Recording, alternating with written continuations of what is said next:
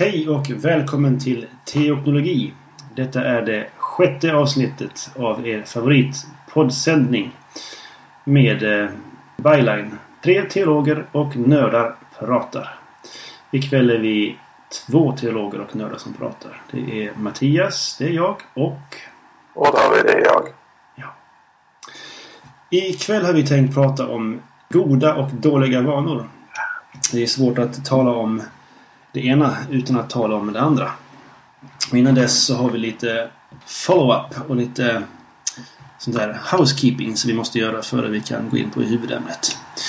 Och det första vi vill ta upp det är det här med en jingle. Om man har en poddsändning så ska man ju ha en jingle. Det finns många av de som vi lyssnar på eh, i 5x5-nätverket som har väldigt trevliga jinglar. Och så har vi ju The Talk Show som inte har någon. Jag vet inte om ni, om ni känner till The Talk Show. Det är John Grubers och Dan Benjamins poddsändning som de har haft i många, många år.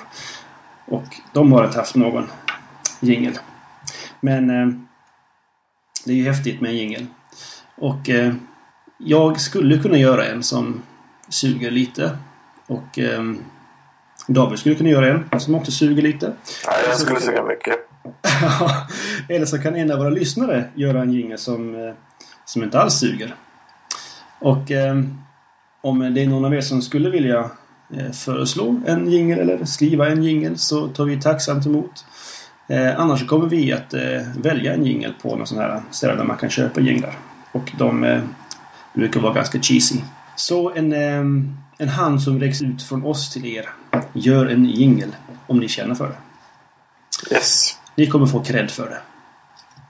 En sak till. Vi har fått feedback. Och det är från samma lyssnare som eh, sist. Vi har nu fått ett namn. Han heter Kristoffer. Ska David läsa upp feedback? Ja, det gör jag gärna. Mm. Hej! Hoppas ni får mer, inom parentes många lyssnare. Det förtjänar ni. Så det är inte bara jag som skriver. jag är han med den gamla macken i bokhyllan. En fråga. Angående avsnittet med artikeln i kyrkans tidning. Hur ställer ni er till idén om att man ska riva tomma kyrkor?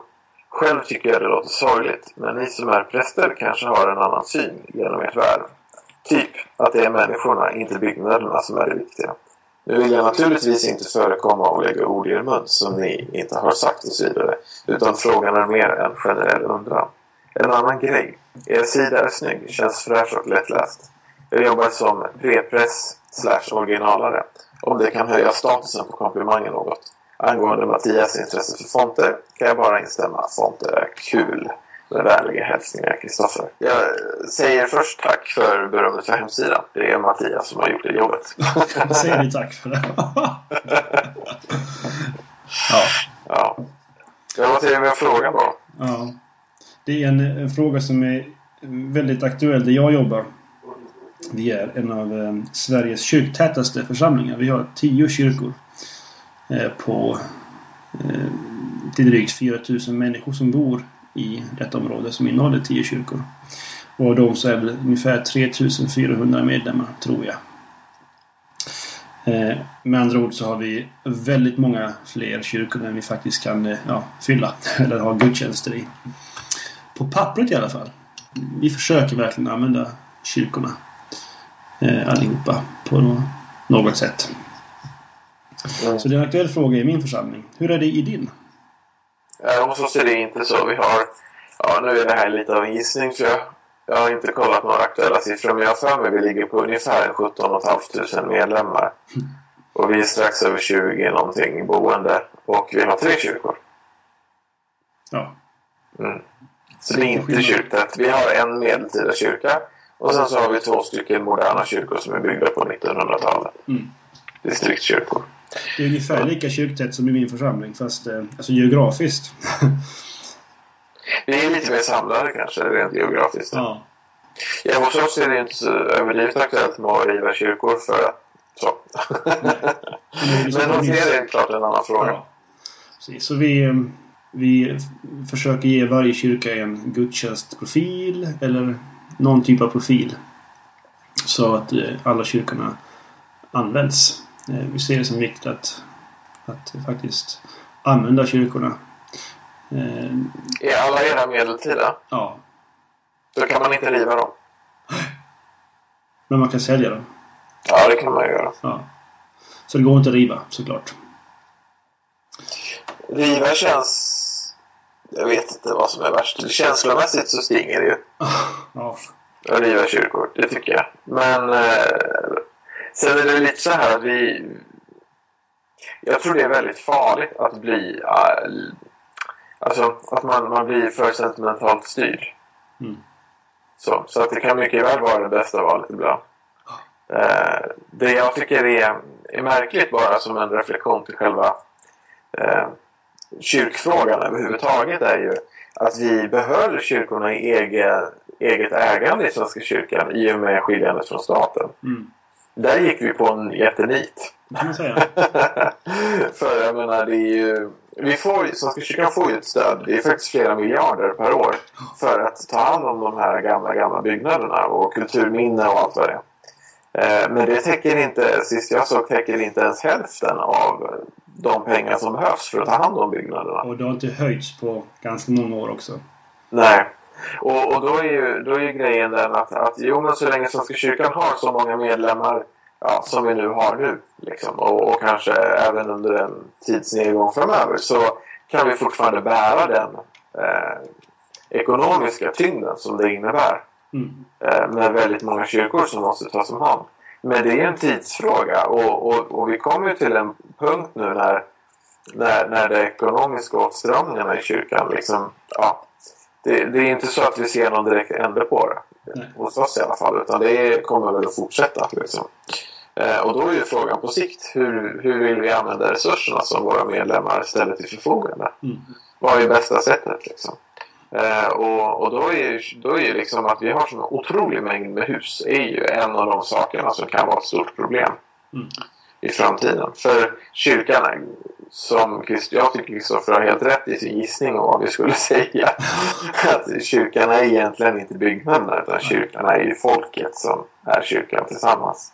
Absolut. Församlingen. Mm. Eh, och, och då är byggnaderna underordnade. Man kan köpa en lagerlokal och vara om det är så. Liksom. Eh, det har inte samma sentimentala värde som en medeltida byggnad. Och jag uppskattar verkligen den Vaksala kyrka som vi har i min församling. Jag tycker det är fantastiskt att fira gudstjänst i den. Så. så det är absolut inte någon form av eh, ska, aversion mot, mot de gamla kyrkorna från min sida. Utan tvärtom. Men, men samtidigt så måste det också vi, vi kan, måste drivas av det som finns i framtiden och inte av det som finns bakom oss. Absolut. Jag uppskattar också väldigt mycket de medeltida kyrkorna. Man har ju hjälpt väldigt mycket som präst och församling av, av byggnaden. Men eh, samtidigt när vi firar gudstjänst med ungdomarna i, i Klockargården som då ligger vägg i vägg nästan med, med Gryta kyrka eh, i andaktsrummet där. Det är ju lika mycket församling, lika mycket Guds närvaro som i kyrkan. Så Mm. att, eh, ja. Som du säger, församlingen är inte kyrkan. Eller Kristi kyrka är inte en kyrka i fysisk mening. Så ja, Kristoffer, eh, du gissade nog ganska rätt på vad vi skulle säga. En sak vi också vill ta upp innan vi går in på huvudämnet, det är eh, iTunes.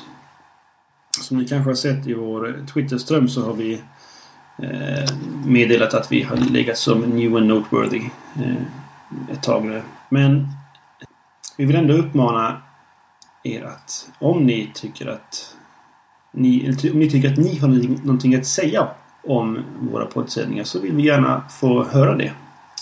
Ehm, och ett sätt är ju att skriva till oss via hemsidan. Speciellt gärna vill jag att ni gör det om ni har någonting negativt att säga.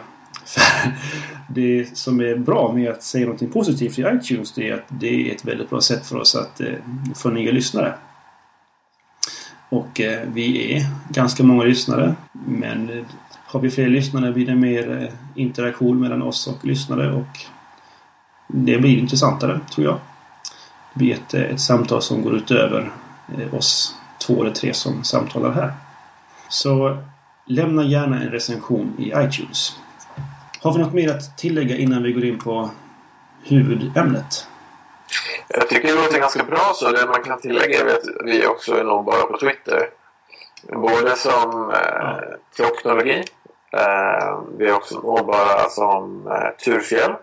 Mm. TH. Och så Fjäll med E och så L. Eh, och Silverkors som det låter stavas det. Eh, och Artikulera Mera är Kristoffers Twitternamn.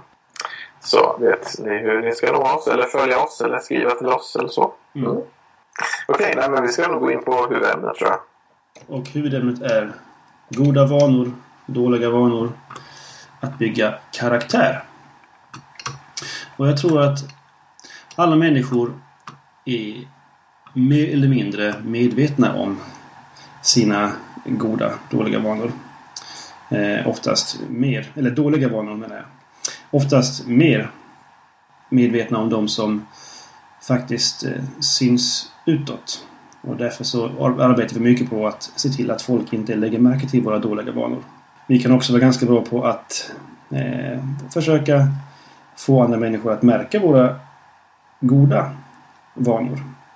Det vill säga vi försöker bygga upp en, eh, ett skal där vi visar upp eh, vår duktighet och vi försöker dölja det som vi inte tycker är så kul att visa.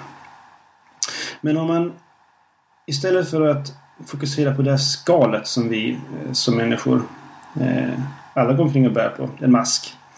Och istället börja fundera på karaktär, ryggrad.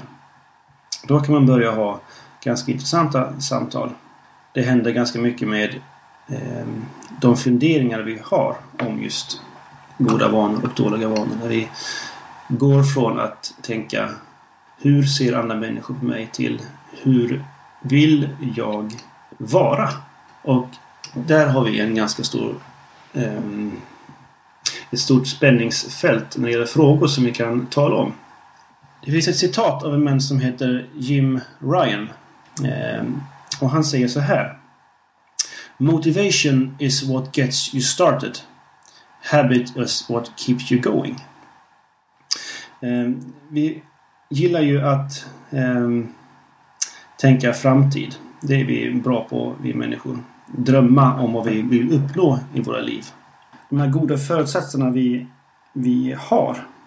Att vi ska motionera mer.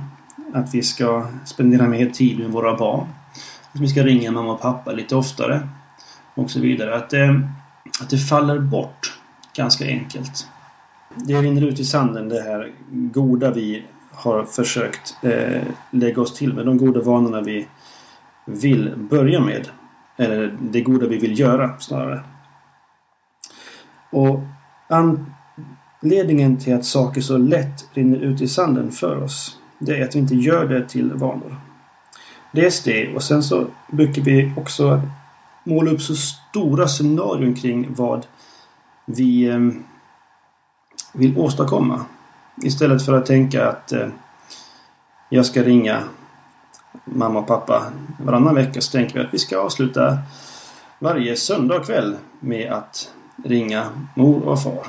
Prata i si och så många minuter och vi ska göra det varje söndag. Alltså oftast finns det ju ganska goda skäl till att man inte gör det där som man faktiskt vill göra. Mm. Eh, och med goda skäl kanske jag snarare menar starka skäl än, än goda skäl nödvändigtvis. Mm. Eh, I hög grad eh, så tänker jag, det här är väldigt spontant. Jag har inte eh, tänkt igenom så mycket inför, inför just den här delen av samtalet. Men spontant tänker jag att, att vanor är ett naturligt utflöde av den karaktär man har som person. Men inte bara det.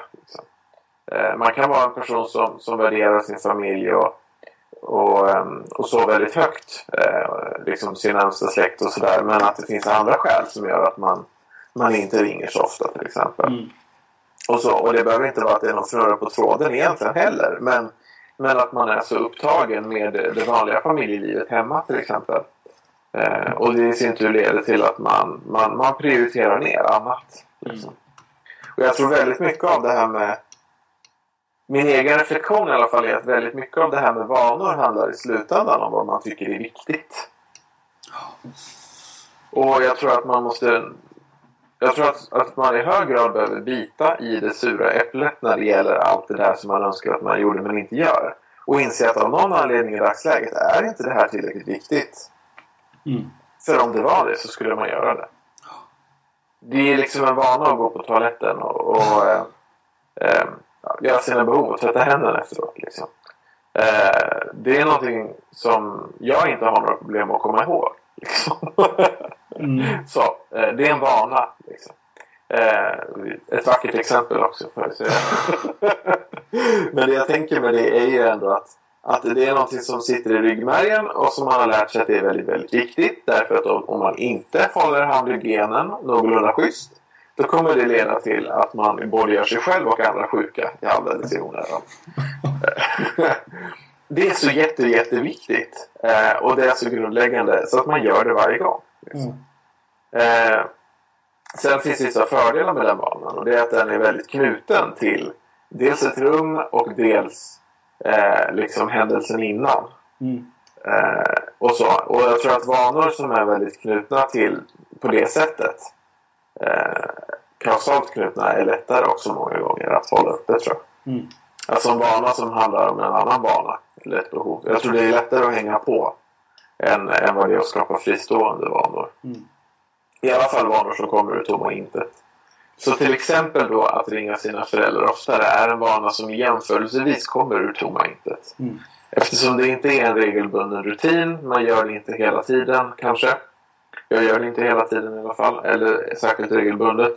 Och det innebär att varje gång man gör det så är det ett aktivt val för att göra det den gången. Mm. Eh, och om man vill ändra på det till att det ska vara varje gång så måste man då eh, reflektera över varför man inte ringer så ofta redan nu. Mm. Tror jag. jag tror det är en del av att, att, alltså, att skaffa en vana. tror jag handlar om att veta varför man vill ha den vanan. Eh, Ja, vilket gott den för med sig. Ja men precis, och vad är anledningen till att det ska vara så? Mm. Ehm, för, för jag har noterat med mig själv i alla fall att och jag, jag är inte alls så disciplinerad och karaktärsstark som jag önskar att jag vore. Jag jobbar väldigt mycket på det faktiskt för jag tycker det är väldigt viktigt. Men, men jag är inte framme där än som person. Eh, men jag har reflekterat över det att det finns vissa saker som jag har låtit bli att göra. Eh, och som jag har varit frustrerad över att jag inte har gjort. Och sen så när, jag, liksom, när det har gått lite tid och jag har försökt eh, kanske igen. Um, och så har jag, för jag en reflektion kring det där. Och så inser jag ja, men jag gör ju faktiskt inte det här. För det där är ju uppenbarligen inte tillräckligt viktigt för mig. Liksom. Uh, och då behöver jag inte heller lägga ner en massa tid och energi på att göra det på det sättet i alla fall. Mm. Eller, eller med den frekvensen. Sådär. Um, jag tror att en del av en del av att få någonting till att bli en vana som du nämnde innan där. För att man i början är det motivation i det där citatet du nämnde. Ehm, och sen så handlar det om att det är en vana. Och jag tror att det, den övergången är nog ganska så ganska känslig många gånger. Att så länge motivationen är hög för att man, man, är, man liksom är engagerad. För att det, det kan ju bara vara nyhetens behag. Mm. Åh, jag tog mig iväg och tränade idag. Och vad duktig jag är. Ja, precis. Eller åh, jag, jag ringde liksom så här och, och så. Eh, men sen när, när andra saker gör sig påminda, andra saker i livet som också är viktiga, kanske till och med viktigare, Mm. så måste man fortfarande veta vad man har för prioritetsordning och man måste fortfarande veta hur man då ska lägga in det här och hantera det här i en ny situation. Liksom. Mm. För mig handlar det väldigt mycket för mitt eget liv om det här med att bygga en, en, en hållbar vana. handlar väldigt mycket om träning för min del. Mm. Jag har inte haft det med mig ordentligt sen uppväxten. Jag tränade en del sport när jag var yngre men det var ingenting som satt i när jag blev, blev vuxen. Liksom. Och, ehm, där, där började jag på allvar igen för två år sedan med att träna på, på gym. Det är en träningsform som passar mig otroligt väl. Eh, Så man kan gå runt själv till maskinerna. Man behöver inte hänga upp det på någon annan eller sådär. Liksom. Mm. Och då började jag gå tidigt på morgonen. Därför att tidigt på morgonen då är det innan dagen har börjat och jag märkte det på mig själv. Att om jag ska försöka dra mig till gymmet på eftermiddagen efter jobbet. Då kommer jag aldrig någonsin att lyckas med den här vanan. Det var liksom bara att inse det från början. Jag har inte den energin efter jobbet. Det går inte. Jag klarar inte av det. Um, Utan jag måste göra det på morgonen innan jag går iväg. Om jag ska göra det alls. Uh, och då bestämde jag mig för att men då gör jag det. Då går jag upp på morgonen och gör det. För jag har inget annat val. Liksom. Eh, så jag började göra det. Och det funkade ju alldeles utmärkt att göra det. Hur länge då? Eh, ja, det minns jag inte nu utan till så nu så det jag drar ju bara till med något liksom. Men det funkade kanske en månad då. Mm. Och så. Och vad jag, vad jag har upptäckt under de här två åren är hur svårt det är att hålla en vana som, man, som man då verkligen har. Även om jag har förankrat den i mig själv ganska väl i, i mitt eget behov av att träna för att må bra. För att um, när jag um, ja, men i mitt arbete också och hemma ha orken fysiskt. Att orka hela dagar, att orka jobba, att ha konditionen, att gå i trappor och röra mig och alla sådana här saker. Det är otrolig skillnad ju.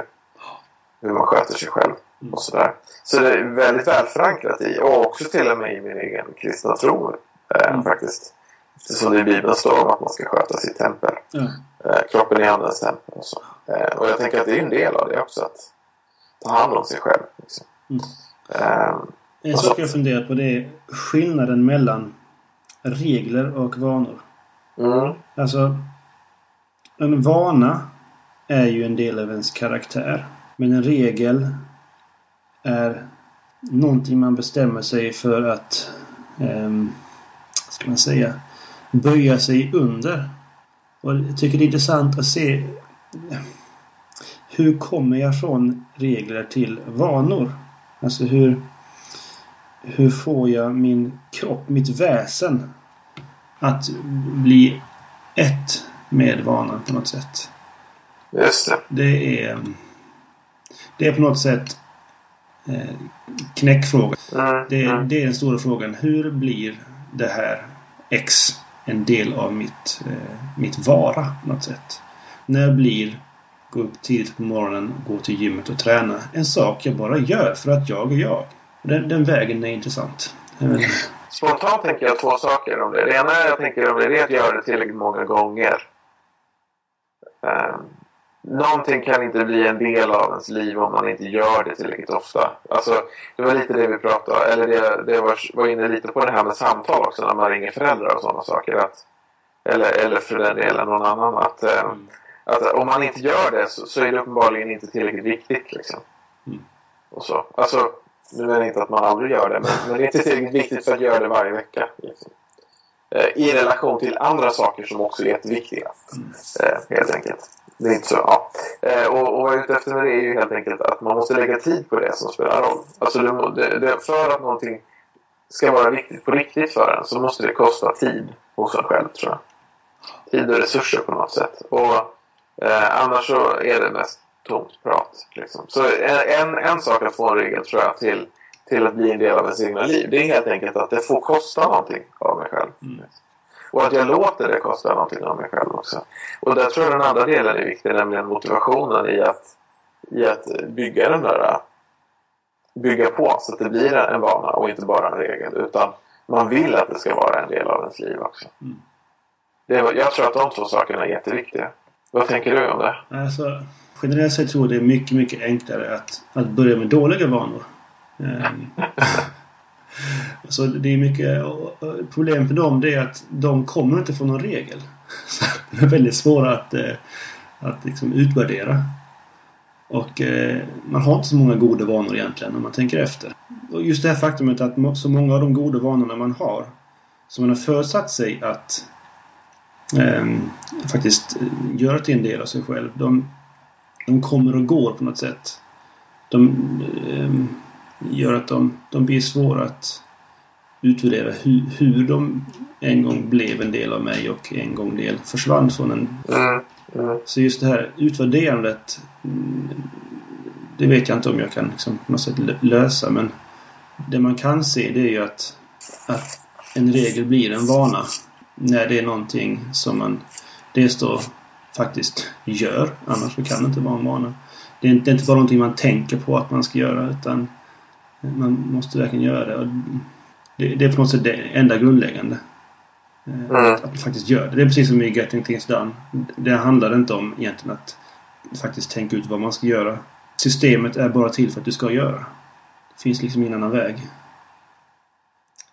ju lättare någonting är att göra eh, desto svårare är det att sluta med det. Ja, just att, att bryta, samma sak som i GTD, att bryta ner till den minsta fysiska handlingen också. Att faktiskt bryta ner vanorna i, i små beståndsdelar. Så att en del av vanan att gå till gymmet på morgonen det är att sätta eh, ett alarm. En del av det är att man inte tar mer än en minut på sig att ta på sig kalsongerna och liksom gå upp ur sängen eller ja, om man nu sover naken förstås. eh, som då jag uppenbarligen gör. Nu är det out there. Eh, tack för den detaljen. jag tror jag redigerar bort det om jag ska vara helt ärlig. Jag skriver här. Sektion. Eh, marker. Kalsonger. Fegis! Ehm, alltså att eh, det får ta max en minut att ta på sig kläderna. Man eh, äter en enkel frukost. Och eh, alltså man gör, gör det i steg. Och varje steg blir som en minivana som blir en del eh, av... Alltså, som håller upp vanan på något sätt. Allt, alla små vanor håller upp den, som den stora vanan man vill faktiskt eh, inkorporera i sig själv. Mm. Ehm, alltså att bryta ner i små beståndsdelar.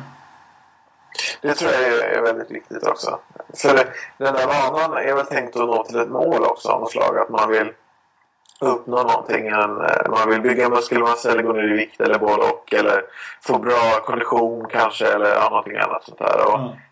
och det är ju ett väldigt fint mål. Liksom. Men, men det är inte särskilt praktiskt tillämpbart i sig självt. Nej. Eh, utan det är ju väldigt mycket det du säger. Det handlar om att bryta ner. För att då nå sitt mål behöver man bryta ner det i vanor. Och att, att säga att gå till gymmet varje morgon. Det är, en, det, är en van, det är inte en vana. Utan det är en vana som består av många vanor. Mm. Det är mycket som krävs för att du ska stå där vid gymmet. Liksom. Eh, och, och, och där är första steget som du säger är att, att ställa klockan. Och det är väl det som jag upplevt också. Det här är en semifungerande vana kan jag vara ärlig och säga. jag har haft väldigt mycket problem med den. Liksom, för att, och det, var det, det här vill jag också komma in på för det här tycker jag är intressant. För, för alla goda vanor och sånt som man vill odla hos sig själv kommer att möta hinder på vägen. Av olika slag. Och där tänker jag att, att, att det där är väldigt intressant. Um, för min egen del, just specifika fallet att gå till gymmet, så största och första patrullen som jag egentligen har haft hela tiden, förutom min egen lättja som kan vara påtaglig också, eh, så, så är det faktiskt det, det mest allvarliga problemet är faktiskt sjukdom. Mm. Jag har tendensen att bli sjuk i influensa en eller kanske två gånger per år. Och kanske också få dra på mig någon förkylning eller något sånt där om jag har otur. Så det kan bli några gånger under, under året som jag blir sjuk. Mm. Eh, och under den tiden så ska man ju inte träna. Eh, utan då ska man ju vila och helst inte jobba heller beroende på hur man mår. Mm. Eh, det kan också vara svårt att låta bli. Och ehm, vad som händer då är att den här goda vanan inte går att genomföra. Eh, och så går det kanske ett par veckor innan man är fit for fight igen. Mm. Men då har man i två veckor sovit längre eh, eller gjort andra saker på den tiden. Då kan det vara väldigt svårt igen att få- det att funka. Och det, det är där jag tänker att de här små vanorna som bygger upp en vana, eh, det är där styrkan när de kommer in. Alltså att fortsätta med alltså, de små delvanorna som håller uppe på något sätt den, den stora vanan. Det tror jag. Jag tror det är en del i det. Och så tror jag att en annan del i det är medvetenheten om de här bekymren. Mm. Jag på något vis ville väl inte riktigt se framför mig när jag började för två år sedan på allvar igen eh, träna. Så ville jag inte riktigt se sjukdom som, som någonting som jag faktiskt behövde bry mig så mycket om. Liksom. Nej. Jag ville inte tänka igenom det.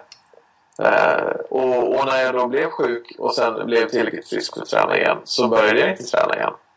Utan då gick veckorna. Och det kunde bli månader eh, innan jag började träna igen. Mm. Eh, och och där, där tror jag en del av det handlar om att, att som du var inne på också innan här, att, att utvärdera efterhand. Att se hur går det liksom och vad är anledningen till att jag hakade, hakade mig här längs med vägen. Liksom. Så att man, man får en, en förståelse för vad det är som hakar upp sig.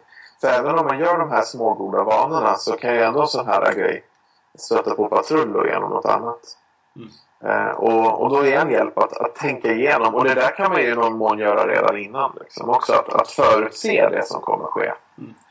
Eh, man kanske inte vet när man blir sjuk men man kan ju med ganska stor sannolikhet räkna med att man blir det någon gång. Och då kan man ju räkna med att man inte kan träna under den tiden. Ja. Eh, och då kan man mentalt förbereda sig på det också. Att, att bara, ja men när det händer då händer det och sen börjar jag träna i så fort jag kan igen efteråt. Och liksom att, att hjälpa sig själv och se det som en del av livet och inte som ett nederlag för det här större målet eller vad det nu är man siktar på. Liksom. Mm. Så. Att, att bryta ner motivationerna också. Eh, varför man vill göra, varför man vill att det ska vara en god vana i sina minsta beståndsdelar och, och se dem också. Ja, och, och faktiskt våga alltså, se, nästan se dem som alltså, stora vanor i sig. Alltså att, att ge dem också, ge de små vanorna en, en, en hög status och säga att eh, ja, eh, jag går upp klockan sex varje morgon. Det är en del av vad jag är. Eh, Mm. Det, det finns ett sånt citat som har snurrat omkring när det gäller Steve Jobs och Apple. Eh, när det gäller att eh, de kommer ut med succéer gång på gång på gång på gång. Då är det ett Aristoteles citat, citat som låter så här. We are what we repeatedly do. Excellence then is not an act but a habit. Tycker jag är lite eh, det är väldigt... Eh, på engelska säger man poignant. Det, eh, det säger väldigt mycket. Det vi vill vara bra på. Det är sånt vi måste göra om och om igen. Mm. Eh, Det är liksom så eh, brutalt på något sätt. Och det, det här att det vi gör om och om igen är våra vanor. Det gör också att vi ganska enkelt egentligen faktiskt kan se vilka vi är.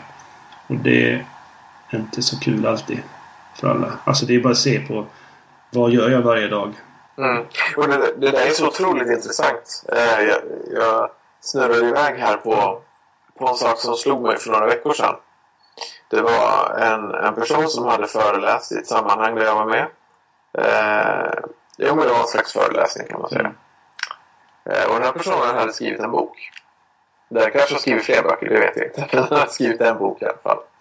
Eh, och då var det en ung människa som frågade den här personen eh, om tips för hur man skulle bli författare. Eller för, för, nej, det var en journalist tror jag framförallt. För den här personen har, har sysslat med det också. Mm. Eh, eller ja, det var journalist eller om nej, det var nog. Jag vet inte, det kan vara, ja, det var i alla fall att skriva. Så det var eh, ja, författare, journalist, vilket som. Eh, och, och, och frågan var liksom, ja, gå utbildningar, vilken utbildning, vad ska man göra och så här liksom. Så. Eh, och då kom det upp i, i samtalet också, för jag la mig också i. för jag stod precis där nämligen, så vi pratade tillsammans. Eh, och och då, då pratade vi också om det här med att ja, men det bästa sättet att bli bra på att skriva på, det är genom att skriva. Mm. Liksom. Det, det finns ju inte så många andra vägar.